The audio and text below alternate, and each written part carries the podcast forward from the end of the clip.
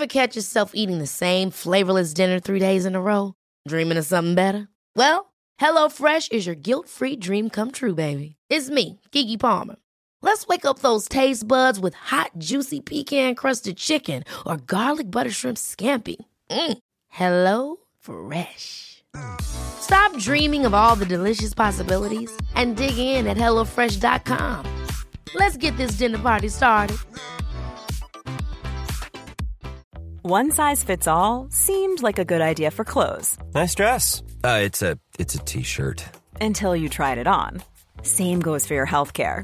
That's why United Healthcare offers a variety of flexible, budget friendly coverage for medical, vision, dental, and more. So, whether you're between jobs, coming off a parent's plan, or even missed open enrollment, you can find the plan that fits you best. Find out more about United Healthcare coverage at uh1.com. That's uh1.com. Varmt välkomna tillbaks till Calcio Amore med mig, Marcus Birro. Först och främst vill jag som vanligt tacka så jättemycket för eh, den fina responsen på de två avsnitt vi har publicerat. Eh, det första var ju mer eller mindre en kärleksförklaring till Serie A Italien och den andra var ungefär samma sak. Men möjligen med lite mer eh, detaljerade eh, inf- lite mer detaljerad information kring matcher som har spelats och skulle spelas. Och så tog vi även ett större grepp på situationen i Roma efter Francesco Totti. Jag tänkte ju så här, jag håller ju på Roma och det är väl knappast någon hemlighet för någon inblandad. Så att jag tänkte att vi tar den här grejen med en gång så har vi gjort det sen. Ehm, Eh, det är också en av anledningarna till att jag är så otroligt stolt och glad över det fantastiska förtroende som visas oss som gör Calcio Amor. Att, eh, Eh, folk har överseende med varandras lagsupportrar, vilket, vilket lag man håller på. Vi vet om att det finns naturligtvis konflikter mellan klubbar och sånt där, men här är vi... Och de konflikterna kan få finnas. Jag tänker inte radera ut dem eller sitta och säga att vi alla ska sitta i en jävla sandlåda och gegga med varandra och hålla om varandra. Du vet, det är inte det det handlar om. Men vi visar respekt för varandras känslor eftersom vi vill ha respekt för våra känslor, för dem vi älskar, för det laget vi älskar. Och framförallt också om man ser det i förlängningen så är det ju så, och det vet ju många som har följt Serie A länge, att eh, det kan och har varit svårt för, eh, Eh, för oss att få en, en respekt, kan man säga, utifrån när det gäller kärleken till Serie A. Och där i kan vi samsas. Vi körde en ny grej i söndags kväll. Vi testade klockan 20.00 något som vi valt att kalla Calciamore TV. Det var mer eller mindre jag som hängde upp två Italien-tröjor bakom ryggen och sen satte jag mig och pratade i en halvtimme om matcherna som spelats. Eh, Torino-Roma tog precis slut då. Och matchen som kom ikväll. Och vi tänkte skulle, det var, gick ju över förväntan som det mesta runt Calciamore just nu. Så det kändes rätt kul, så det hoppas jag att vi ska kunna göra återkommande ehm, eh, fram igenom i mån av tid. Men vi ska nog försöka hålla söndag 20.00 som Calcio Amore TV-tid. Eh, så får vi se sen om man kan slänga in under veckan också. Det är så underbart med den nya tekniken att du bara lägger upp mobilen på ett hyfsat ställe, eh, kamma sig lite skönt, ta på sig en halvhäftig tröja och sen kan man bara köra och köta och ni är med på det. Eh, jag hade inga illusioner om att det skulle gå så här fantastiskt bra som det har gjort så här tidigt in. Vi har bara hållit på i, vad är det, någon vecka. Men vi är nästan tusen medlemmar på Facebook. Vi har över 600 följare på Twitter. Instagramkontot tickar på. Och eh, podcasten toppar denna dag som är måndag den 20 augusti när det här bandas någon dag innan eller två innan det publiceras. Men i början av den här veckan när ni lyssnar på detta så toppade Calcio Amore iTunes-listan över Sveriges just nu populäraste poddar om sport. Stort tack för förtroendet bara. Vi är, eh, jag vet inte hur det är med de andra, jag ska inte tala för dem, men jag, jag är bara saligt eh, lycklig över att det har gått så här fantastiskt bra. Till det här avsnittet har vi Jesper Husfeldt med oss och det gläder mig naturligtvis. Vi hälsar honom eh, synnerligen varmt välkommen. Efter, efter intervjun med Jesper som jag gjorde på Grimsta idrottsplats, Brommapojkarnas hemmaplan faktiskt, dit jag tog mig i helgen för att träffa Jesper och prata lite grann om hans passion för Serie A, vår tid tillsammans i Club Calcio, vad han ser med, eh, hur han ser på ligan nu, vilket lag han tror kommer att vinna ligan, vad han tror om Inter, kan de utmana Roma, Eh, eller förlåt, Roma i freudiansk felsägning. Kan de utmana Juventus som ligatiteln? Och, och Serie A-status är alltid kul att höra med någon som har jobbat så ingående och intensivt, men inte längre gör det då, med olika rättighetsanledningar och sådär. Men alltid kul att prata med Jesper, det är ju en vän eh, och kollega som jag har stor respekt för och som jag vet många som älskar italiensk fotboll också tycker mycket om. Så det var jättekul att träffa honom. Det avsnitt eh, tycker jag, det surret ska ni inte missa, det kommer nu. Strax därefter är det dags för andra halvlek eh, av, den här, av det här avsnittet och då går vi igenom lite kort matcherna. Jag vill bara passa på att tacka Anton Avenäs som klipper och sköter tekniken. Jag vill tacka Frejs Hotel som är med och sponsrar den här grejen fortfarande en bit in i höst. Hoppas längre än så. Älskar Frejs Hotel. Och Lilla Rådmannen som är deras systerhotell. Tack till Patrik som sköter all grafik. Alla snygga grejer ni ser på Twitter och i Facebook och på Instagram. Även min egen privata. Eh, allt det där har Patrik gjort. Han jobbar dygnet runt för det här och han är värd i stort sett allt. Eh, och all heder och all eloge som finns till Patrik. Tack till Oddsbaren som lanserade eh, det här och där jag även har skrivna krönikor för er som inte kan få nog av den italienska fotbollen. Det är mycket fokus även om det är där. Gå in på oddsbaren.com och kolla. Men eh, först nu då alltså Jesper Husfeldt från i, tidigare i veckan här under en intervju på Grimsta. Och eh, stanna kvar efter intervjun med Husfeldt för då blir det en liten sån eh, andra halvlek där vi går igenom eh, första omgången som spelats i helgen. Tacco,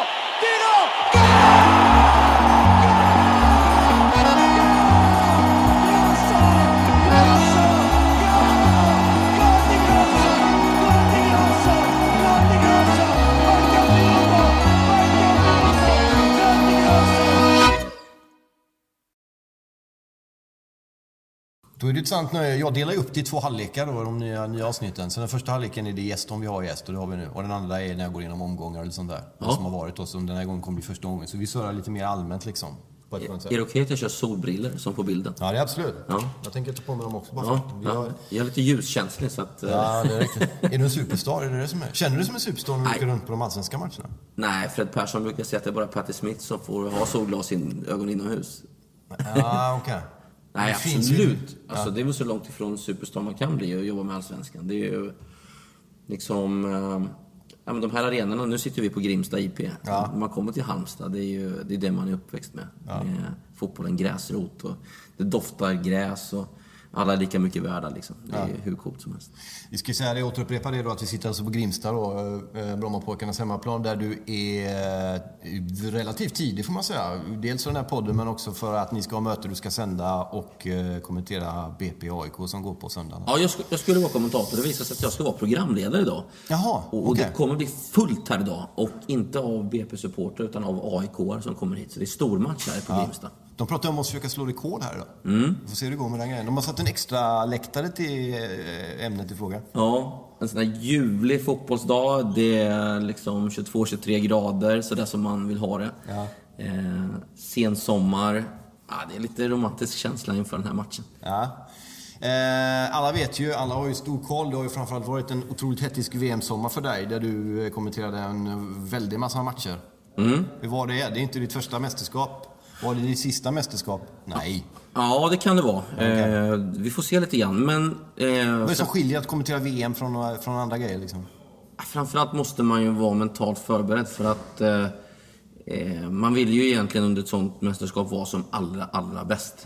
Det är ju liksom det största man kan göra. Dels är det ju mer publik, men man, man måste vrida på lite extra. Det finns ganska mycket man måste tänka på faktiskt. För vi gjorde 14 matcher tror jag på 19 dagar, flög 25 gånger på de dagarna. Det blev väl 30 totalt sådär på, på dryga tre veckor.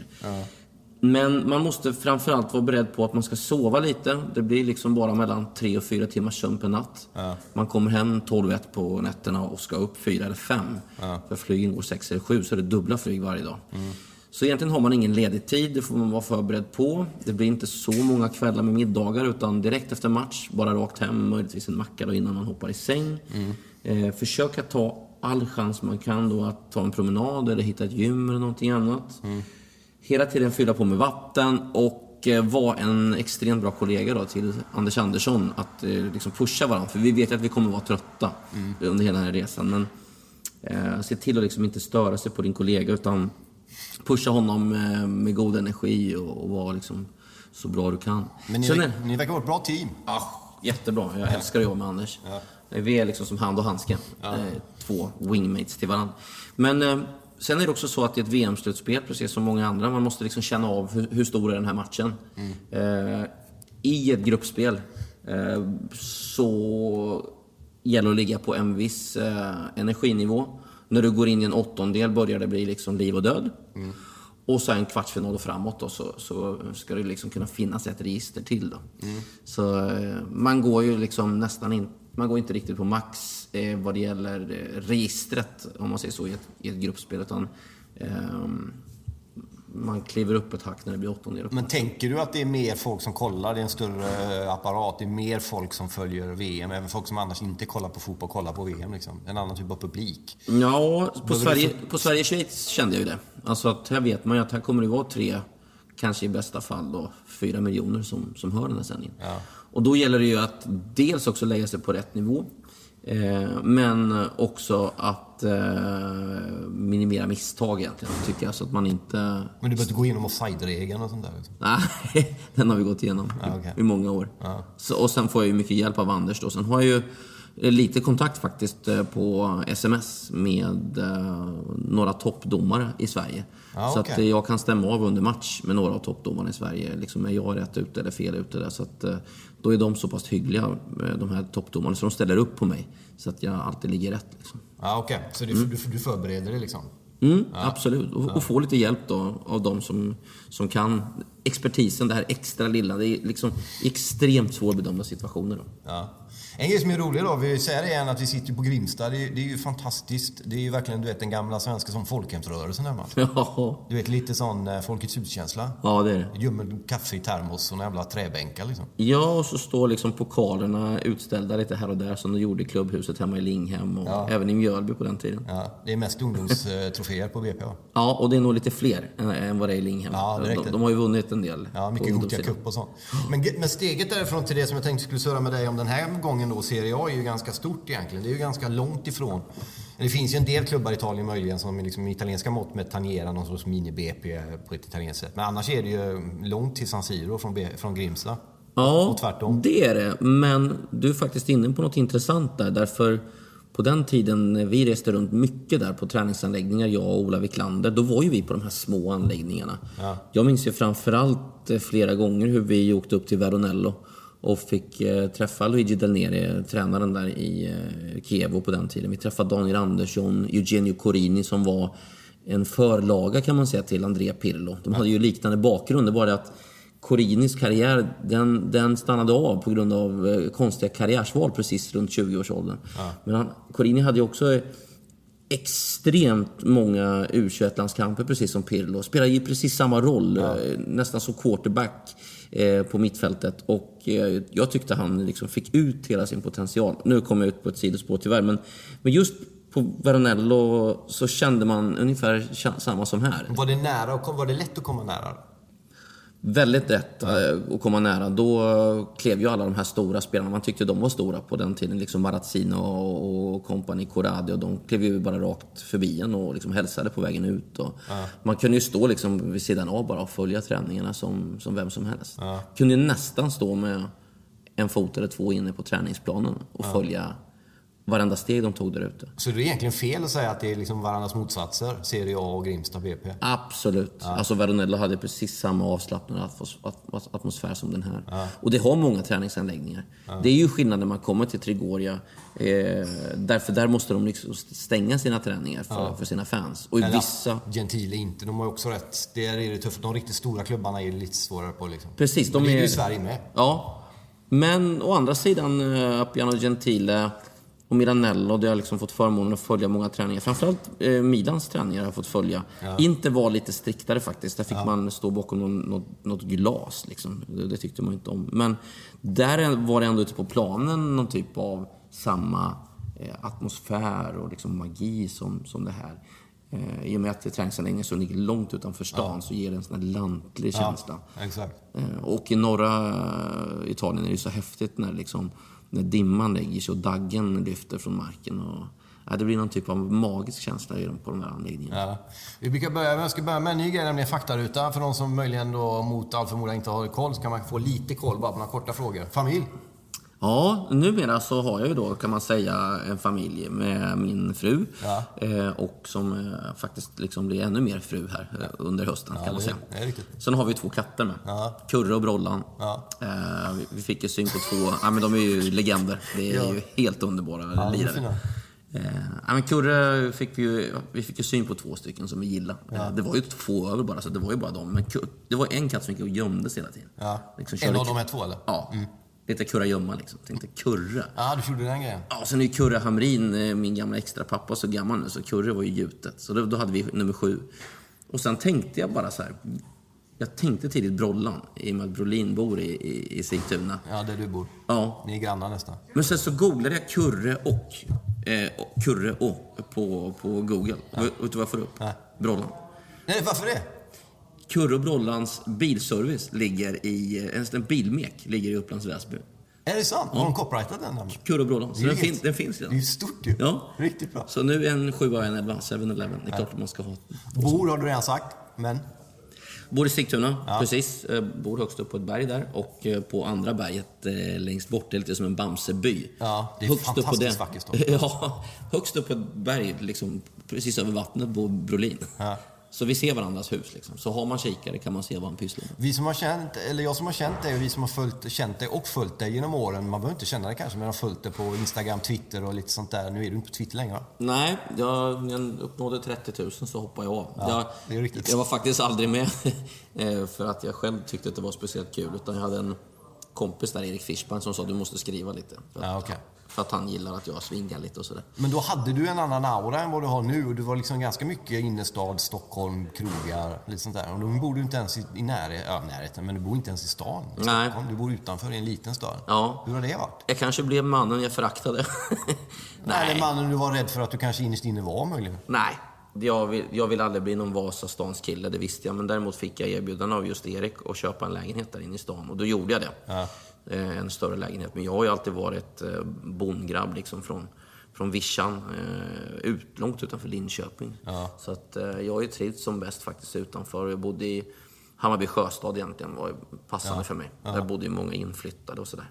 Så att pulsen där inne, jag, jag, jag, det var, det var aldrig jag, jag trivdes aldrig som bäst där.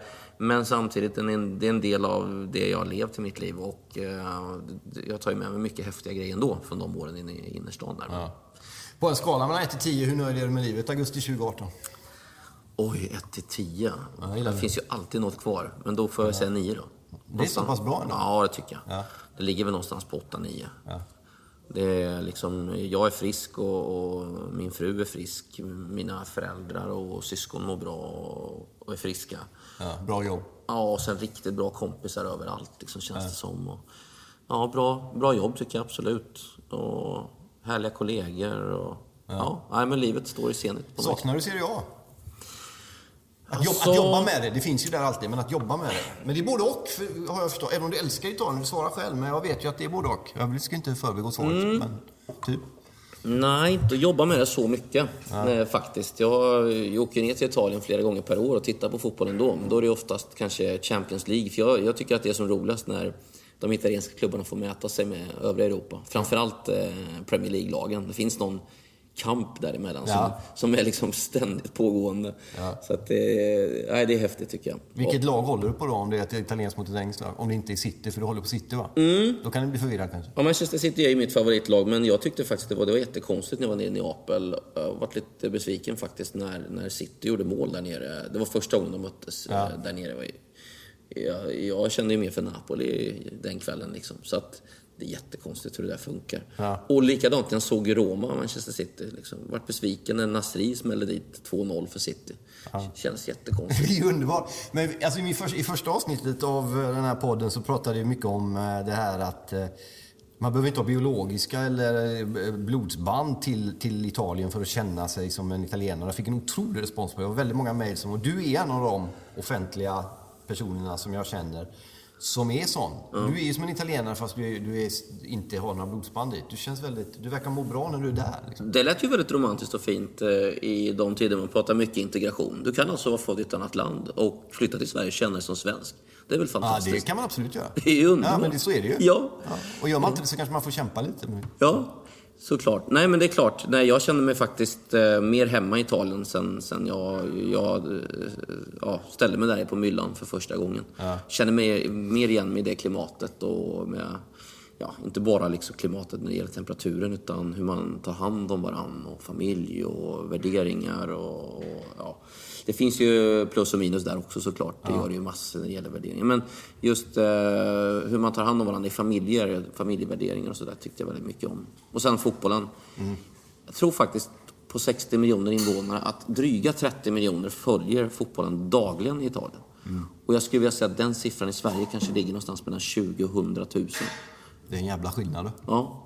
Mm. Så att, och då menar jag att då följer de alltså sportprogram mm. eh, på TV. De tar reda på, på resultat och nyheter på, på nätet.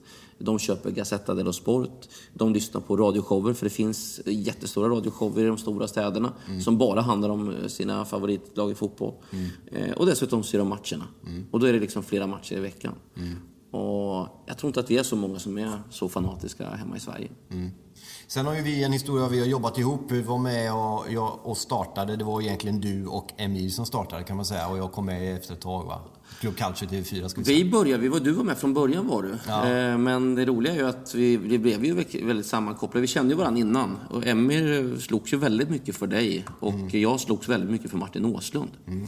Så att eh, ja. där liksom byggdes vi samman. Ja. Sen tycker jag att du fick en häftig roll där i Club Culture. För att, eh, det var på den tiden du slogs för Martin och inte med Martin. ja, exakt så. Ja, nej, men men han hörde ju... faktiskt av sig under VM och gav oss väldigt mycket beröm och sådär Martin. Ja, det var helt underbart. Han också kanske? Ja, nej, han har generösa sidor. Men en grej som är intressant med dig tycker jag, det var vi bodde i Italien eh, under en tid 2011 och träffades vi där och så pratade vi lite och så. Men just när det gäller jobbet kring Alltså att jobba kring Italien, italiensk fotboll och så. En förutsättning som, som jag förstår att du har eh, haft för att kunna göra det är att du åkte och bodde där. Mm. Att det var viktigt för dig att vara där under en tid. Ja. Kan du berätta om den tiden lite? Ja, absolut. Eh, jag hade ju drömjobbet hemma i Sverige som jag fick då 99, men kände ju när jag blev programledare i Supersöndag tidigt. Jag fick ju liksom det här stora jobbet, det mest prestigefyllda som kanske fanns på Kanal Plus. Ja eh, att leda Supersöndag, vår, vår största show. Liksom. Ja. Och då var jag 25-26 år. Jag kände faktiskt att jag inte riktigt bottnade. Alltså, jag tyckte att jag kunde de här ligorna hyfsat, men jag skulle vilja skaffa mig du vet, skinn på näsan, den erfarenheten, bli bäst, bli nummer ett, kunna allt. Ja. Så att, eh, jag har ju rest mycket till eh, många länder för att titta på fotboll, men framförallt då i och med att vi, vi inte hade någon som behärskade Serie A, så vill jag bara flytta ner och, och känna på uh, klimatet där nere. Lära mig lite av språket, se alla träningsanläggningar, fotbollsarenor, träffa människor. Och, uh, så jag flyttade ner till Florens och bodde där då två vintrar, 01 till 03. Jag var ju tvungen att säga upp mig då andra året, för första gången fick jag ledigt från jobbet. Ja. Tjänstledigt. Andra året sa de, du, vi kan inte ge det två gånger utan då får du säga upp det och så får du börja frilansa. Så att jag, det jag gjorde för i stort sett inga pengar alls mm. de där åren. Och Eh, jag klev av från en ganska bra eh, liksom, lön. För att, inte bra lön, men jag hade ju liksom min säkerhet där. Ja. Så jag tog stora risker för att göra det här till väldigt små pengar. Och eh, det tog några år så, så fick jag liksom payoff från mina chefer också. Mycket tack vare tror jag att eh, våra tittare märkte att jag ja, behärskade liksom ligan och hade passion för den men också kunde liksom hantera den här kommentatorsbiten på ett bra sätt. Ja, och det, där, det är ju intressant för sen, det är som du säger, du, du hoppade av en framgångsrik eh, bana, åkte ner och kom tillbaka och blev lika framgångsrik. Du tog en chans och vann kan man säga det. Ja, alltså jag tror att Kanal Plus såg mig som eh, en väldigt eh, liksom, spännande reporter, kanske kunde bli en stor stark programledare.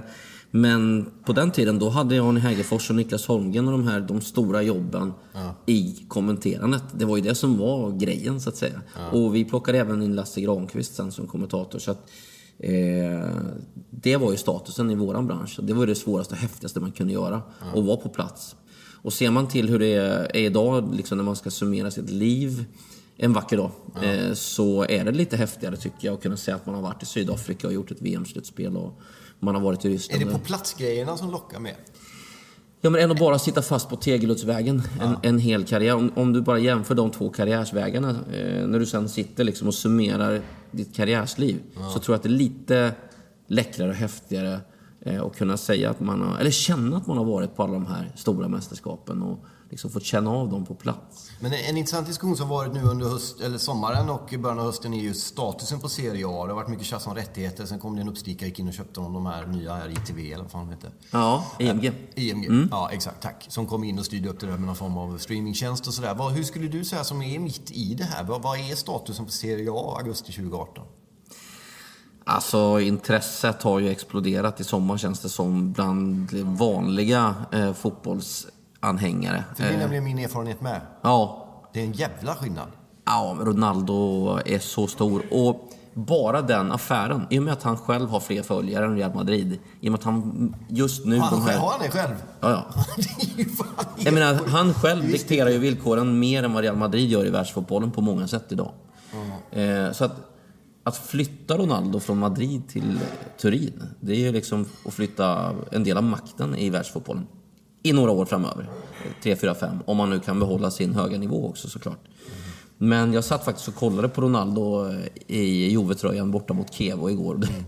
Ja, det känns ändå... Jag vet inte. Alltså Bente Gå, det, det, där, det kommer bli kallare där, det kommer bli gråare. Det är Kommer han få det tufft där? Ja, det tror jag för det första han kommer få det väldigt tufft. Men också den vardagen han upplever. Det finns liksom en annan typ av tristess runt Serie A. Och sen de här nergångna arenorna, ibland gapar det lite tomt. Vi Serie A-anhängare kanske tycker att det är charmigt, men jag tror att han kommer känna av det där Ronaldo. Juve. ja, men du hör ju själv. Alltså. Men vad, blev du som, som har levt i den, den, den liksom stora fotbollen, blev du förvånad över den övergången? Eller? När den kom på tal så blev jag faktiskt inte det. Det enda som överraskar lite grann är ju att Juventus köper ju inte mästare. De producerar ju mästare.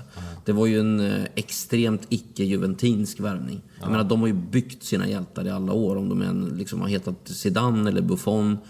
Eh, Nedved förvisso då, kanske var en ganska stor värvning. Men i övrigt har de ju faktiskt köpt spelare som varit li- på väg uppåt i sina karriärer. Ronaldo är ju en superstar och det passar ju inte alls in i, i eh, Juventus tradition om man säger så. För den påminner ju lite mer om, om Barcelonas. De är ju olika, men de, de påminner om varandra på så vis att de alla är lika mycket värda och eh, i Milano och Madrid får man vara superstjärna men i Turin och Barcelona ska, ska liksom alla vara lite på samma nivå. Ja, men- är det, är det trendbrott? För samtidigt nu i dagarna här i helgen, bara för några dagar sedan, så kom det ju fram att Marquisio lämnade till exempel, som varit Mm. i 25 år, som var tänkt som en fanbärare. Ja. Det är ju också en del av det du är inne på i samma typ av kapitel. Liksom. Vad Ja. handlar det om? Är det en del av något nytt vi ser? Jag kan inte Marquis historien, men jag tror inte man ska dra för stora växlar på det här. Utan jag tror att, eh, jag, vet inte hur mycket det här målet som Ronaldo gjorde mot eh, Juventus, där han liksom nästan närmast i chock gick ner för att, för att fira det här målet och bara möttes av applåder och kärlek av en hel fotbollsarena. Jag, liksom, den minen han visade upp efter det målet har man ju aldrig sett Ronaldo visa upp på samma sätt. Den här ödmjukheten, vördnaden i hela ansiktet. Han liksom... Överraskad också. Så. Överraskad, precis. Han, han, han ser så spänd ut ofta när han firar. Här liksom så bara var det som att axlarna sjönk ner och han blev mänsklig och kärleksfull på något vis. Så, Upphånglad lite. ja, verkligen. Jag håller med. Så eh, jag vet inte hur mycket det betydde liksom för honom där, men... Mm. Ja. Om jag tar eh, resten av ligan, och nu har vi också då eh, Albin Ekdal tillbaka i Sampdoria. Fantastiskt. Eh, Det, är det känns ju som en... 29 år är Albin. Ja. Hur kan han hunnit bli 29? Någon undrade i Facebookgruppen där på Calciamore om hur han skulle... Är det ingen som är orolig över läkarkontrollen? Men den gick han ju igenom tydligen. Ja, ja det var ju skönt. Ja. Vad tror du om hans eh, Sampdoria som klubb för Albin Ekdal? Nu sitter vi ju i hans gamla klubbhus för övrigt. Stod Ja. ju med nu. Är det bra eller är han för... Vad, vad händer liksom? Oj, oj, oj. Alltså, det känns som, det känns som hand i handske alltså. Ja. Albin tillbaka i Serie A. Äntligen lite större klubb. Eh, lite sexigare om man säger en Cagliari, även om Sardinien är extremt fint då. Men Sampdoria är ju en klubb som liksom ska vara där uppe i topp 8, topp 10 egentligen. Traditionellt. Och liksom slåss om Europaplatser. Nej, Jag tycker det ser rätt spännande ut faktiskt eh, för, för Albins del. Gam, gammal men fin arena, inga löparbanor. Just det. Ferraris där. Och sen är det lite läckert för att Albin är ju där och sen så har du ju. Oskar Hiljemark, en himla fin gubbe också som spelar i Genoa i de andra ställen. Så vi har två derbyn där vi förhoppningsvis har två svenskar mot varann i det här Il Derby della Lanterna. Så att det ska bli väldigt läckert att få trycka igång Strive och se de där derbyna. Ja. En annan skön grej också som vi måste nämna är under Robin Olsen till Roma. Det är ju en, han startar ju eh, denna dag när detta bandas, som jag förstått det, rätt 18.30 borta i Torino. Då. Var, det är ju en stor värvning för honom och vi har märkt, eller jag har märkt, man kollar på Sportnytt, när han gick dit så var det tre kvällar i rad reportage om Ja, var liksom fan aldrig jag älskar att du nämner Sportnytt som ser likadant ut som på Ja, men 80-talet. det har inte som... hänt ett jävla dugg sen 70 alltså. Nej, så men- plötsligt, nej, men- är de i Rom? De har aldrig varit i Rom. De har aldrig gjort reportage om Rom sen VM 90 alltså. Jag lyssnar ju på dina poddar så, du nämner ju ofta det här och, och sådär och skriver om det ibland. Eh, Sportnytt var har ju en referensram på 80-talet med sina säkert en miljon tittare och sånt där. Det känns som att de har Ja, du menar att det är 50 000 idag. Ja, men liksom- ja, men för mig, jag är ju gammal så jag är fortfarande använder för, för dig är det ju stort äh, att det men är på ändå en- Sportnytt. Men det är en, Det sitter ju Gunnar i du vet, såna Ja. jävla häckiga sandaler och kollar på det där. Liksom. Och fan, Roma, ja. Ja. det. Och där är han. Underbart. Vad tror du om Robin Olsson, Robin Olsen i Roma? Vilken typ av värvning är det liksom? Kommer han få Eh, spela? Alltså grejen är så här att Monchi framförallt då som, som så många gånger i så många år nu har visat i Sevilla att han värvar ju på ett visst sätt. Som nästan alltid faller väl ut. Och då tittar ju han på kvaliteter. Han, titt, han hittar ju spelare för priser som ingen annan gör i stort sett i hela fotbolls-Europa. Det, finns, det är klart att det finns andra klubbar som lyckas med det också, men, men han kanske är bäst av alla. Eh, På att värva spelare för en slant och sen sälja vidare för fyra gånger så mycket, 10 eller 20 eller 100 gånger så mycket pengar. Och han har ju sett någonting här hos Robin Olsen. Han är inte kanske den bästa spelaren med fötterna i, i Europa, men men eh, förmodligen är han en, en eh, målvakt som är precis under de allra största idag. Och eh, av den anledningen har de värvat honom. Ja. Sen gjorde han ju bra just att de höll nollan två matcher mot Italien. Och så ett bra VM. Det är klart att får han det till ögon på Here's a cool fact a crocodile can't stick out its tongue. Another cool fact you can get short term health insurance for a month or just under a year in some states. United Healthcare short term insurance plans are designed for people who are between jobs, coming off their parents' plan, or turning a side hustle into a full time gig. Underwritten by Golden Rule Insurance Company, they offer flexible, budget friendly coverage with access to a nationwide network of doctors and hospitals. Get more cool facts about United Healthcare short term plans at uh1.com. One size fits all seemed like a good idea for clothes Nice dress. Uh, it's a it's a t-shirt. until you tried it on. Same goes for your healthcare. That's why United Healthcare offers a variety of flexible, budget friendly coverage for medical, vision, dental, and more. So, whether you're between jobs, coming off a parent's plan, or even missed open enrollment, you can find the plan that fits you best. Find out more about United Healthcare coverage at uh1.com. That's uh1.com. This is Paige, the co-host of Giggly Squad, and I want to tell you about a company that I've been loving, Olive and June. Olive and June gives you everything that you need for a salon quality manicure in one box. And if you break it down, it really comes out to $2 a manicure, which is absolutely insane. It's also so easy to get salon worthy nails at home with Olive and June. The difference between how your nails used to look when you did them yourself and now with the Manny system is a complete game changer. The best thing about Olive and June too is it's a quick dry. Dries in about one minute, lasts for five days, and full coverage in up to one to two coats. Visit oliveandjune.com slash perfectmanny20 for 20% off your first system. That's oliveandjune.com slash perfectmanny20 for 20% off your first system. Sätt. Liksom. Ja, och det jag tycker det är intressant att folk har spekulerat lite grann i det där. Att, att man kanske väntade på VM för att se om Robin Olsen då... Nu släppte man ju Alisson såklart. Men att man såg i VM också att nu blir det stora matcher. Hur hanterar han pressen i de här allra största matcherna? Och eh, han gjorde ju ett bra VM-slutspel så att det är klart att det, det är skillnad när, när man kommer in i de här avgörande matcherna i Champions League att man har en målvakt som, som klarar av den här mentala pressen också. Man ska ju komma ihåg att Sverige tog ett kliv på Fifa-ranking också. Jag tror det var med 13 platsen. Ja, Så att- före Tyskland.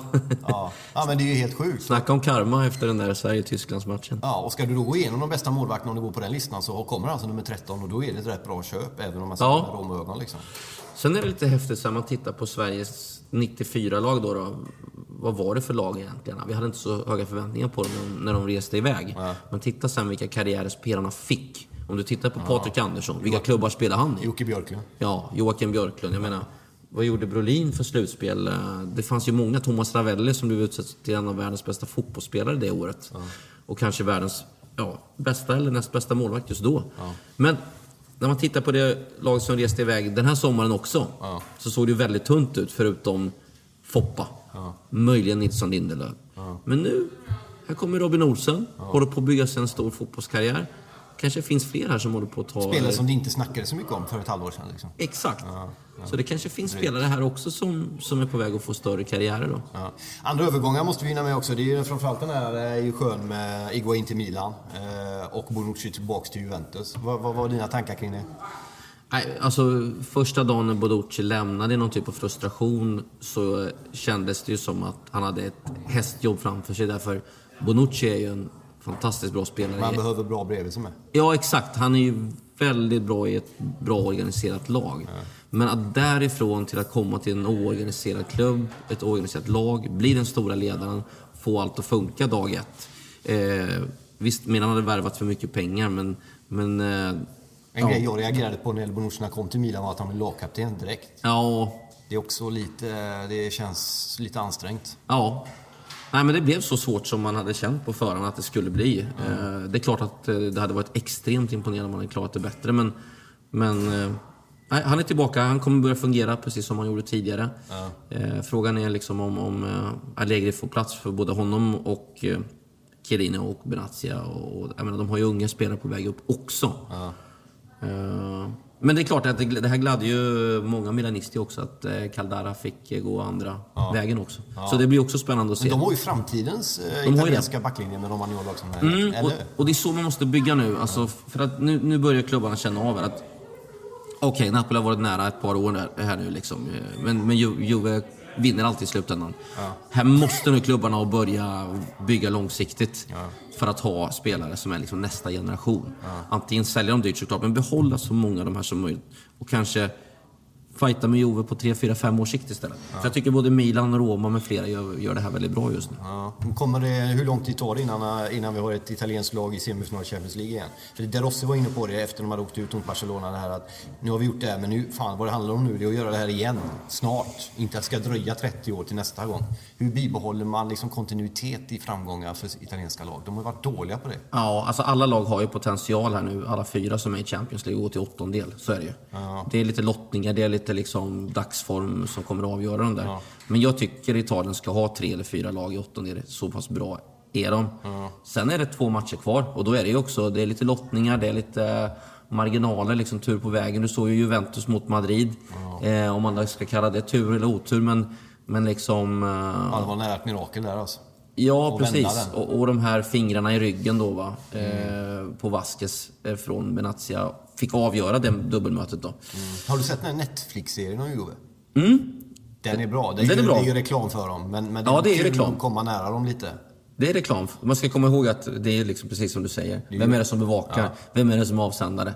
Ja. Jag tittar, sitter och tittar på Manchester City just nu då. Ja. Som kom ut på Amazon i fredags. Är det samma typ av eh, produktion eller? Mm, jag tycker den är bättre. Men det, det är kanske för att jag är City-anhängare. Men jag tycker de har gått mycket djupare. Kommit liksom rakt in i omklädningsrummet där Pep eh, gör sina genomgångar. Man får se dem liksom prata inför match, eh, fira efter matcher. Ja på ett, på ett annat sätt. Så jag, den tycker jag är liksom mer djupgående. Ja. Två grejer till jag vill hinna med också bara Jesper. Det ja. är Napoli. Är det stress? Nej, nej, nej det är lugnt. Jag har några minuter kvar. De kan ju säkert kasta ut oss här. Ja, det kan de säkert göra. De Då får de säga till. Vi skulle säga det att de kommer närmare och närmare. ja. Så en komradio på bordet längst bort. Ja. Men Carlo Ancelotti har hävdat en av de viktigaste värvningarna överhuvudtaget ser jag i år. Nu börjar de med en vinst borta mot Lazio, Ancelotti i Napoli. Vad, vad tror du om, vad kan han göra som ingen annan skulle kunna göra i den klubben och den stan? För det är ju en speciell stad. Ja, alltså för det första så det jobbigaste för honom är att han tar över efter Sarri. För ja. Sarri har ju fått eh, det här laget att fungera på ett visst sätt. Och ja. de, det finns väl kanske inget eh, fotbollslag i världen som var så uh, intressant att titta på förra ja. De var jävligt underhållande att se. Kommer det ändras ja, men, ja, det kommer göra det. Vet du. Så att, alltså Sarris och Guardiolas fotboll kan jag tycka i alla fall är de mest ögonfallande att titta på. Uh, att, men de vann ju inte. Nej, de gjorde ju inte det. Men men eh, så, så, så som man har höjt spelare eh, de här åren. Jag menar, titta bara på... Sätter du Sarri över Ancelotti som tränare nu? Eh, alltså, man, man måste... Man måste ju liksom säga att det är ett hack upp när det gäller Ancelotti. För de kommer ju kunna eh, på ett annat sätt Grisa dra, sig till. Ja, precis. Dra fördel av Ancelottis erfarenhet ja. i de stora matcherna och ute i Europa. Det, det, kommer de göra. Det är ett mer välformulerat sätt att säga att de kommer grisa sig till en del 1-0 Ja, ja men att se dem spela samma otroliga fotboll, det kommer vi ju inte få göra. Det tror jag inte. Nej. Men som vi såg nu, liksom vändningen mot Lazio här. Det, det, finns ju liksom någonting. Det finns ju ett självförtroende i laget och ett bra psyke. med Ancelotti på bänken, det är klart att de kommer...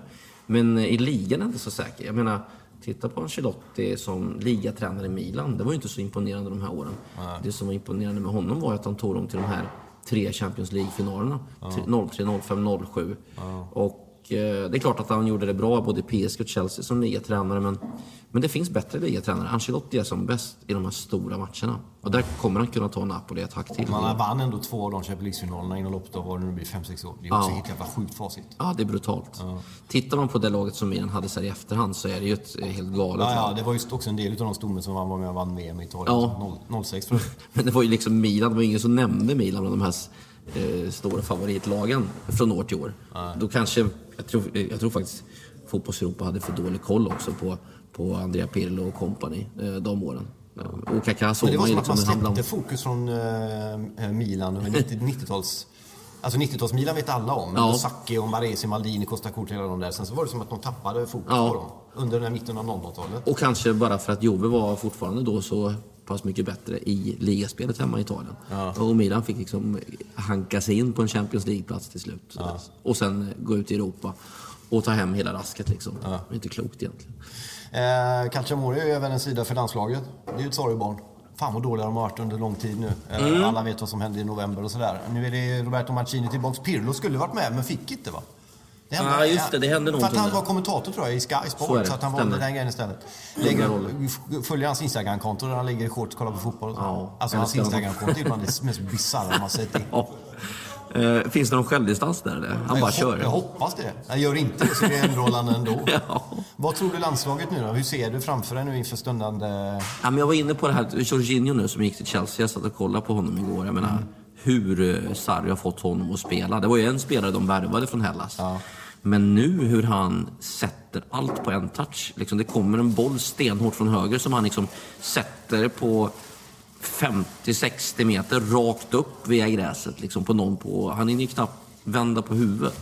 Alltså, det, det kommer ju spelare här nu som är extremt, vad ska vi säga, hög nivå på sina roller som Jorginho då. Så att de kan ju faktiskt bygga ett väldigt spännande lag Är nu. Mancini rätt man att bygga då? Så Mancini är lite underskattad. Jag älskar ju Mancini. eh, jag dels, dels för att han är liksom, av Svennis väldigt hyllad liksom, som stor ledare och hur mycket han påverkade Lazio i de här framgångarna som de hade. Men också, det var ju han som bröt barriären för Manchester City. Eh, Och vann även med Inter innan, ska vi säga, som tränare. Ja, år efter år. Och visst, man kan vinna på beställning, men jag menar, han körde ju över hela Italien. Vad skulle du säga som har koll på City då, när Mancini kom dit och de vann? Vad var det, vilken, hur stor del var Mancinis förtjänst att de vann där? Alltså, han behövde ju komma över en mental barriär, därför City hade ju visst, de hade bra spelare. De fick ju kunna Agüero, liksom. Det var han som avgjorde det där mot Queens Park Rangers på tilläggstid i sista matchen, så han var ju viktig såklart. Men annars så hade ju City svårt att locka liksom, de bästa spelarna i världen och kanske de näst bästa. Så de fick ju liksom nästan välja andrahandssortering. De fick köpa Craig Bellamy svindyrt liksom. Och försöka... Eh, ja men du förstår vad jag menar. Vincent Kompany, visst. Han var ju en stor talang såklart när han var i Hamburg, men han var ju ingen gjuten succé på något vis. Så att, ja, han fick några spelare där som var på väg att bli riktigt, riktigt bra, Balotelli och company. Och sen hade han ju Kundo som redan var en så här bekräftad superstjärna. Men någon måste ju liksom bryta barriären eh, och vinna den där första eh, titeln, liksom, ligatiteln. Och det lyckades han med. Med hjälp av Balotelli och Kunde på slutet där. Men också, jag menar, var inte han med när Mancini när de vann med 6-1 på Old Trafford med det där gänget. Eller något sånt där, va? Och det, det var är ju också- helt bisarrt. Det finns ju också en spärr att komma över där. Det gäller italienare när det gäller fotboll i England. Det är också en stökig historia, både, åt båda håll. Liksom. Ja. Bara runda av lite och säga, hur mycket, du, kollar ju, du jobbar ju med fotboll i dygnet runt. Jag förstår ju att det inte liksom är när du kommer hem kan kasta upp fötterna och kolla på en fotbollsmatch av olika anledningar. Men hur mycket följer du Serie A? Och hur mycket, nu har den dragit igång, men hur mycket kommer du följa den italienska fotbollen? Hur nära är du? Hur mycket orkar du? Liksom, hur mycket vill du? Jag tittar ju på alla stormatcher i Premier League. Ja. Du tänkte... nu chockar dig lite. Nej, men det gör jag ju. Ja. Serie A är inte lika självklart alla stormatcher, men faktiskt, ju mindre jag har jobbat med italienska ligan, ju mer har jag tittat. Så att nu liksom smällde jag ju på. Ah, okej. Det är lite fräschare på ett annat sätt kanske? Ja. När man inte är i det och behöver hålla på med körscheman och sånt, studera på ett annat sätt. Nej. Ja, det blir liksom- Mer av lust liksom. Ja, nu, nu är det av lust. Nu är det så här, nu är jag jättespänd liksom, när jag sitter och kollar på Kiev och Juventus. Men och- kan du inte kolla på några... Lazio Napoli. Ja, men om det blir så Milan inte när det kommer sen en sån du vet novembers dim. Jag tänker fan, det var kul det var när vi var på... Du är ju inte så nostalgiskt lagd och det gillar man ju. Jo, det tycker jag. Men det det, tycker jag. Men det är kul Chatif och tänkte fan det var roligt när vi satt på... Absolut, absolut. Jättestolt över de där eh, åren såklart. Och minns också som du med glädje de där åren. Men eh, nej, jag är lite glad så här att eh, i och med att det där blev ett jobb till slut så, så kanske det blev så att, att jag la bort Serie A när jag var ledig lite grann. Eh, först kanske tio år där jag såg allt och sen så liksom la jag bort min lediga tid vill jag göra nå- någonting annat på. Och sen har jag inte haft ligan rakt framför mig på ett par år och då har det liksom kommit tillbaka. Ja, du behövde vila lite för att få upp eh, vågorna igen. Jag tycker det. Ja. För att man har suttit där många gånger också. Gjort eh, ja, Kiev och Bologna 0-0, eh, 18 matchen i, i dimma liksom. Några gånger. Lördag, 18. Man såg inte bollen ens. Minns du den där på Bentegård? Ja, ja. ja, jag kollar ju på allt. Och man försökte kommentera den här matchen från en skärm eh, på eh, var det 14 tum och sånt där i, i, i en källare i Värtahamnen. Ja. Och så visste man att det var 37 personer som kollade. Liksom. Ja, ja. Ja, ja. Ah, Man, hör, man kunde smsa och du svarade. Liksom. Ja, Det var den nivån. ett konstigt liv ändå. Så här. Ja. 40 bast, du vet. Ingen tjej, ingen fru. Bara en, bara en lägenhet i stan och sen Kiev och Bologna 37 pers 18.00 en lördag. kan man ju se tillbaka på och undra vad, vad händer där? Ja. Vad, Bologna ser ju spännande ut i år sig med storebror Insider. där. väldigt spännande. Ja. men det finns ju en, en typ av kärlek i det där också såklart. Ja. Som man grottar ner sig i. Som, eh, ja, kanske bara Erik Niva och grabbarna förstår. Ja, Fast i ett annat land då kanske. Men det finns en del Erik Nives-skadade typer i Serie A-flödet. Har jag märkt. Ja, det gör det va? Ja, ja mycket nördar där. Det gillar man ju. Ja, men det är ju härligt. Ja. Eh, Jesper Östfeldt, stort tack för att du ställde upp i Calcio Amore-podden. Blir det inte mer? Nej, nu ska vi runda av här känner jag. Bara vill du snacka mer? Du får komma Ja, men tillbaka. någon fråga till kan de väl dra innan de kommer. Vi kan ju möta här om... Ja. De kommer, ska ju kasta ut oss här. Ja, men jag skulle vilja höra vilket... För jag hörde någon som sa att när man Juventus bör bara spela ha- halva ligan för att vinna. Finns det något lag som kan utmana dem i år? Nej. Har Inter, Nangolan och de här. Nej, eh, alltså det är lite för kortsiktiga byggen nästan jämt tycker jag i, i Inter. Titta på de här bästa generationerna. Liksom. Det har ju ofta varit eh, väldigt spektakulära köp och, och rätt gamla spelare. Eh, om Mourinho 2010 liksom. De säckade ihop hela gänget bara något, något år efteråt, eller hur? Jag vet inte om Maikon ens kan gå längre eh, idag. Nej. Ja, han sprang sönder sig fullständigt ute på högerkanten. Men nej, alltså, Fan vad han sprang. Ja, men det var ju helt overkligt va? va? Hans Det är han igen som kommer där. Ja. Va? Ah, fuck alltså. Det var mycket inlägg och sen Helt otroligt. I Roma där, när, man, när han dök upp, tänkte fan helvete alltså. Ja. Får ju släppa ut han uh, Jan Krycke eller någonting eh, Ja. på slutet liksom. Men eh, Har de fel taktik helt enkelt på värvningar? Är det det som gör att de inte riktigt når ända fram? jag tycker ju alltid att Moratti var en, en ganska... Han är ju känd för att vara, du vet den här eh, rika, slarviga eh, rikemanssonen om man säger så. Då, Som inte kanske styrde klubben eh, så strategiskt utan mycket med hjärta. Han, han ville ju köpa Rekoba och ge honom världens dyraste lön för att han älskade honom. Och det, det, finns, ju, det finns ju något eh, fantastiskt i det också men, men det är klart, eh, det finns ju så många eh, klubbar som jobbar mer långsiktigt, mer strategiskt. Du vet, jämför du Inter och Bayern München liksom, från 90-talet och framåt, hur de har gått och rekryterat så... Men vems fel är det i en klubb när det blir så? Är det, det måste ju vara nästan allra högst upp. Va? Det är därför man liksom ger planerna. Eller, Alltså det finns väl en fara i att ha en så pass stark ledare som om vi tar då Daniel Kindberg i Östersund eller Silvio Berlusconi i Milan. Eller, förstår du vad jag menar då? Wenger, eh, Wenger i, i Arsenal. men skillnaden mellan de tre du nämner nu, det är ju att... Eh, eh, ja, massa olika saker såklart. Men Milan vann ju under Berlusconi. Kindberg har gjort jävligt bra. Eller Östersund har gjort jävligt bra under Och Kindberg. faran i det är att den dagen den personen inte finns där till 100 procent så kanske, kanske man, om, om, Men du måste bygga om Kindberg tappar 30 procent av sitt engagemang, eller 40, då kanske klubben också gör det. Mm. Och det kändes ju lite grann på Silvio som att Milan stagnerade ganska rejält när Silvio började ägna sig åt annat. Mm. Men även han och Galliani, när de har lite för stort grepp, när det inte finns liksom ett bredare perspektiv. Om man jämför med Bayern München Mm. så verkar det som att de har så många senatorer, gamla spelare som, som har kommit in i klubben och där man, där man har roller för alla. Eller där man till och med kanske ibland kan slå sig ner och ha lite krismöten och högt i tak och diskutera vad det är som händer här. Eh, och där tycker inte jag riktigt Milan har hängt med heller. Eh, kanske, kanske en bredare, starkare organisation med fler starka ledare hade varit att föredra. Om man tar mellan Milan och Inter, vilka tror du kommer lyckas bäst i år? Inter. Ja. Absolut. Milan långsiktigt. Eh, Iguain kommer ju göra sina mål såklart. Mm. Han borde ju spotta in mer än 20 baljor. Sen är det ju intressant med mittbackarna. Bakayoko-värvningen förstår jag inte alls. Alltså det är ju återigen nu att Milano-klubbarna plockar in dem för 300-400 miljoner som... Men som de gjorde samma inför förra säsongen. Hade de också en del sådana värvningar som inte funkar alls in? Nej, och sen, jag menar... Nej, man får ju lite så här, man mår nästan lite dåligt över de här Bakayoko och Joao Mario, alla de här som inte riktigt har fått ut allt som har liksom inför säsongen presenterats som den stora värvningen inte och sen det har inte funkat alls. Liksom. Och Bakayoko, jag menar ett tag i, i, i, i Chelsea såg det ut som att han inte hade spelat fotboll tidigare. I eh, mottagningsspel och sådär. Alltså, det var ju hemskt. Så, att, nej, jag, ja. Men i alla fall långsiktigt Milan eh, kommer se otroligt spännande ut tycker jag. Hoppas att de har tålamod bara fansen både här hemma och där. För det är ju en andra klubb vi vill se högt upp. Så enkelt är det. Alla vill det. Alla gillar ju det liksom. Tänk när liksom, Cotrone får ut allt sitt och alla de här unga spelarna som är på väg framåt nu. Ja, och även Donnarumma har en del att bevisa fortfarande. Verkligen, att nästan glömt honom. Vilka spelare, vilka unga spelare det Han är finns. ändå i nu. första målvakt i italienska landslaget. Ja, Och känns svajig. ja, Så att det finns ju att bygga på där liksom. ja, verkligen. Ska vi säga det att det gick en BP-farbror förbi och gjorde det tecknet. Ja, Vi ska stöna i runda av nu. då är det tack och bock. Ja, tack så jättemycket för att du tog dig tid Jesper. Och, Grazie, bello. Och ta hand om dig och fortsätt ditt fantastiska jobb du gör. Lycka till och ha det så bra alla Calcio Amore-lyssnare också. Ha en fortsatt trevlig dag säger jag.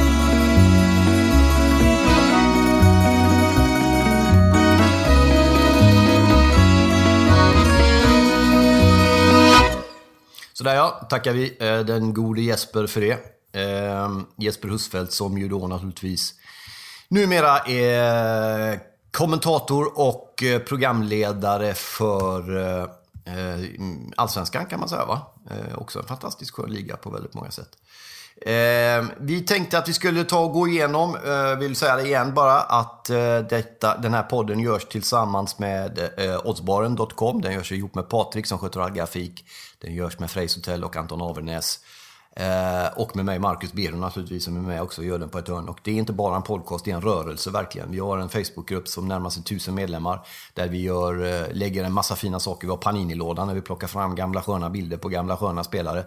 Vi har livesändningar i TV, vi har nyhetsuppdatering. Vi var bland de första i Sverige med att berätta att Robin Olsen skulle stå för Roma till exempel i matchen i helgen mot Torino.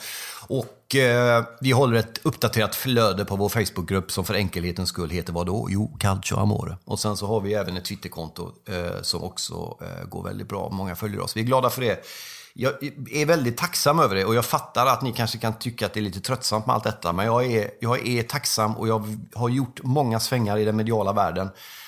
Uh, nu har jag inte varit med om det här som händer nu när det gäller just de här typerna av rörelserna där man gör saker tillsammans. Jag hoppas verkligen att ni känner att ni är med och gör det här ihop med oss. Vi som sitter bakom micken och ni som lyssnar på det här, att det är inga trösklar emellan. Eh, vi har pratat i en Calcio Amore TV i söndags kväll som vi sände då, eller jag sände från eh, min flickväns sovrum helt enkelt, där vi kopplade upp oss med några Italien-tröjor bakom ryggen. Så har vi gått igenom omgången, men vi gör det ändå lite snyggt här för att få en form av sammanfattning och konklusion efter den fina intervjun med Jesper. Då har vi ju då första matchen, Kiev och Juventus 2-3 och det är ju underbart bara att få se Cristiano Ronaldo göra sin debut i Serie A. Då lufsar han ut mot de flygande åsnorna på Bentegårdi-stadion i Verona. Den grejen såg man inte komma för ett halvår sedan. Då. Underbart. Juventus vinner 3-2, stökig match. Juventus tar ledningen, har bollinnehav med 90% tror jag första kvarten innan man lyckas vända den där. Kevo vänder den, det är ju det jag skulle säga med straff. Tar ledningen 2-1, Juventus kvitterar 2-2. Gör sen 3-2, tror alla, tills man upptäcker att Cristiano Ronaldo... Först är det inget mål, sen är det mål, för man kör den här målkameran. Sen upptäcker man att Ronaldo har tagit med hands, så då blir det inget mål igen. Men sen gör ändå Bernadeschi 3-2 för Juventus. Så de vinner i 93 minuten, naturligtvis. Så att Juventus vinner den här matchen borta, Kevo 3-2. Men ändå intressant att se Kiev utmanar Juventus så här i den första omgången. Eh, ger väl hopp för de andra topplagen och kandidaterna. Apropå topplag och kandidater till att vinna ligan. Lazio och Napoli möttes sen på lördagskvällen där. Och eh, Lazio tar ledningen 1-0. Och någon då som jag har slagits för, jag pratade om det i Calcio Amore TV i söndags, men eh, som varandes en av de viktigare eh, nyförvärven i ligan, Carlo Ancelotti. Som har kommit och tagit över ett Napoli som Sarri gjorde kanske till ett av Europas mest eh, sympatiska och välspelande fotbollslag. Sarri flyttar till London, Chelsea. Kommer alltså Carlo Ancelotti in som delvis är en annan typ av fotbollstänkare. En annan typ av, kanske inte lika spek eh, spekulativ underhållande fotboll. Om man nu med underhållning, du vet, mycket snabba anfall, mycket mål, eh, mycket folk på kanterna. Ja men ni vet hur Sarri har spelat. Ancelotti är en annan typ av tränare. Men de har ju inte vunnit något på länge i Napoli. Det är en evighet sedan man sprayade glasstenarna där med, ni vet inte vad ni har missat, 90 eller vad det var Napoli vann sista gången. Nu hoppas man på att Ancelotti kanske också kan bidra med ytterligare en dimension i Napolis spel. Att de har flödet, att de har spelet, att de har lirarna, att de har målskyttarna, det vet vi. Men att de kanske kan grisa sig till en och annan 1-0-seger och sånt där. Jag tyckte man såg lite av det mot Lazio har sett skittröga ut tycker jag på försäsongen i Napoli. Så när Lazio tog ledningen med 1-0 så tänkte jag att det där kommer de inte att klara av. Men det gjorde de. Insigne gjorde mål också direkt tidigt. Viktigt att få igång honom såklart. Napoli vänder och vinner 2-1. Sen har vi då söndagsmatchen Torino-Roma. Intressant naturligtvis följa Robin Olsen som gör en, eh, en mycket, mycket bra insats får man säga. Stabil. Eh, hade lite flyt, släppte ju in ett mål som han kanske möjligen har, borde ha tagit. Han släppte in den mellan benen, men det var ju offside så det blev inget mål. Alltså släppte han inte in något mål egentligen. Eh, Sen var det ett läge där han fick bollen, en hårt skruvad boll som han eh, skulle ta men inte lyckades ta. Utan den studsade på hans händer och såg ut att landa, du vet en klassisk sån här måltavla när man bara fryser i läget och så vänder han sig om för att se var den tog vägen och den tog vägen över ribban. Eh, men sen, sen gjorde han en del riktigt bra saker, bland annat friläge på Belotti som han räddade och sen var det några skott och sånt också. Så han får mer än godkänt. Bra godkänt, de vinner, de håller nollan, vinner gris 1-0 en ganska dålig fotbollsmatch om vi ska vara helt ärliga. Blev bra först när unge pojken Klöivert kom in va. Och serverade den gode Djecko som då på volley kunde sätta 1-0. Skitsnyggt mål. Jag har en liten kort teori som jag tänkte jag skulle lansera till Calcio Amore TV men jag glömde bort det så jag gör det nu istället. Och det är ju den här grejen med eh, att ligan drar igång då, när var det? 17 augusti eller något sånt där va? Och eh, det är med italienska mått mätt extremt tidigt. Tidigare hade man ju en klassiker att man i Italien började andra söndagen i september. Eh, det har man ju då uppenbarligen gått ifrån och nu kör man nästan en månad tidigare. Så det är ju liksom 35-40 grader även när matcherna spelas halv sju. De går ju tre annars, eller vanlig italiensk klassisk tid på helgerna. Men man har flyttat dem till kvällstid och eh, den tidiga kvällen är 18. Eh, Roma vinner. Det såg eh, stabbigt, det såg trist, segt, eh, trött ut. Torino var väl i stort sett minst lika bra. Borde kanske haft en straff och borde kanske fått en poäng där. Men eh, Roma vinner 1-0 borta. Blytungt naturligtvis. Intressant sen, Bologna, eh, Inzagis eh, lag. Den nya, unge, äldre menar jag. Eh, brodern Inzaghi. Den yngre är ju Lazio som ni vet. Men det är ju då Filippo Pippo Inzaghi, den kanske mer framgångsrika av dem på fotbollsplanen, leder Bologna. Fick dock stryk mot förra årets nykomlingar, Ferrara-laget Spal som vinner borta 1-0. Eh, intressant naturligtvis. Otroligt viktig seger för Spal. Det kanske man kan tänka, men det är hundra omgångar kvar. Ja, men de här lagen som kommer att hamna på den andra halvan och längre ner, deras segrar är ju liksom, kommer inte bli så många. Vinna redan i första bortamatch då mot ett Bologna med ny känd tränare. Starkt gjort av Spal, imponerande. Ännu mer imponerande är det utav Cagliari, som, eh, eller förlåt, Empoli, som vinner 2-0 hemma mot Cagliari. Empoli Jan Ekströms gamla klubb som ni vet, Toscana-klubben där, som nu leder Serie A. Det gillar man ju. Empoli leder Serie A efter en omgång. 2-0 Cagliari. Eh, imponerande faktiskt måste man säga. Parma Udinese 2-2. Sassuolo Inter då 1-0 kvällsmatchen. Alla väntade sig att Inter skulle ihop med de andra stora lagen vinna sin match. Det gör man inte. Det såg skitstabbigt ut. Jag hoppas ni hörde Jespers utläggning om Inter också. Den var ju, satt ju på pricken och den gjorde han innan matchen ska jag säga mot Sassuolo. Sassuolo vinner, Berardi gör mål på en straff eh, och Inter ser skittröga ut. Eh, svåra, det kommer säkert gnissla igång. Men eh, det är som att ingenting har hänt under det här uppehållet och sommaren. Trots nya spelare, Spalletti har fått mer tid, har, borde då rimligen ha kunnat få någon form av ordning på det här laget. Det är bara en omgång, men eh, jag såg på Domenica Sportiva som är Italiens klassiska söndagskvällsprogram som har gått sedan du vet Hedenhös går i Rai Due för det som har det, runt 22.40 och en, eh, en och en halv timme framåt. Det sitter Marco Tardelli bland annat. Eh, och Paolo Rossi och några till. Som sitter och diskuterar matcherna och sekvenserna och så är det intervjuer från arenorna och sånt där. Fantastiskt bra TV. Där talade de redan just om det här med att Inter ser att det ser så otroligt lojt och trögt ut, att det är en mental och en, en, en psykologisk effekt av det möjliga. Vi får se vad som händer. På måndagen spelas då, detta bandas alltså innan, då hinner vi inte med det, men det är Atalanta, Frosinone, nykomlingar och sen så är det lite matcher i helgen också. Eh, nej, det är inte alls det. Förlåt, det är ju de här uppskjutna matcherna. Det ska jag säga, Sampdoria, Fiorentina uppskjuten på grund av motorvägsbrons krasch, eller eh, olyckan med motorvägsbron som rasade i Genua, där eh, närmare 40 personer miste livet. Eh, någonting som har präglat naturligtvis hela Italien och stora delar av Syd och även resten av Europa under hela eh, förra veckan och kommer att göra så under lång tid framöver. Framförallt i eh, Genua med omnejd såklart. Det här är ett, men inte bara. Det här är en motorvägsbro som inte används bara i Genua utan som är en, en stor led som eh, binder samman Italien, nästan motorväg. Jag har själv åkt på den många gånger som barn i våra eh, bilar från och till bilsemestrar i och eh, till och från Italien. Men då är det ju så att Genoa-lagen naturligtvis sköt upp sina matcher. Sampdoria Fiorentina kommer spelas den 19 september klockan halv nio. En onsdagkväll är det. Och en onsdag en dryg månad senare, nämligen 31 oktober, kommer Milan möta Genoa Eh, i de två uppskjutna matcherna, så vet ni det. Eh, stort tack så länge. Vi tackar Jesper Hutsfeldt för det här eminenta avsnittet för att han ville vara med och gästa oss. Tack för att ni lyssnar. Fortsätt sprida ordet. Eh, kalla in era vänner att bli medlemmar på Facebookgruppen. Gå gärna in på Instagram och följ Calcio Amore-poddens Instagramkonto där. Där är vi inte så många än, så där kan ni gott haka på. Och så tackar vi för ert engagemang, era, er, ert intresse, era frågor och ert kunnande och ert deltagande i att göra Calcio Amore till Sveriges bästa, varmaste, skönaste eh, samlingsplats runt den italienska fotbollen. Eh, ja, så är det helt enkelt. Tack för att ni är med oss och vi hörs och ses om bara några dagar igen i ännu ett nytt avsnitt av podcasten Calcio Amore. Arrivederci! Como comenzamos? Yo no lo sé.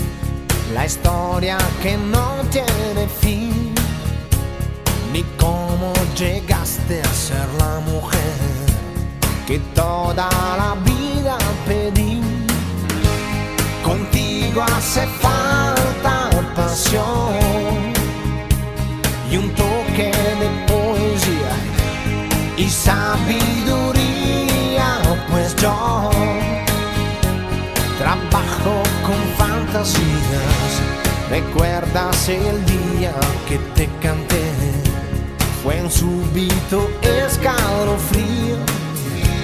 Por si no lo sabes, te lo diré.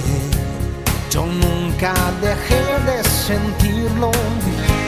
Contigo hace falta pasión.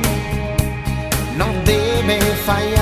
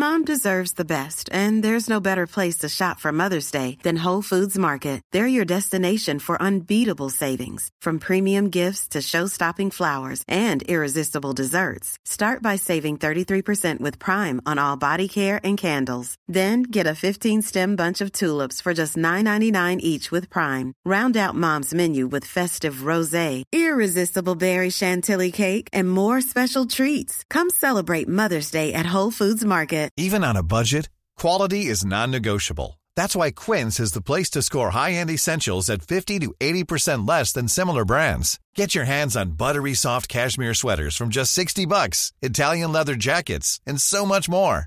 And the best part about Quince, they exclusively partner with factories committed to safe, ethical, and responsible manufacturing. Elevate your style without the elevated price tag with Quince. Go to quince.com slash upgrade for free shipping and 365-day returns.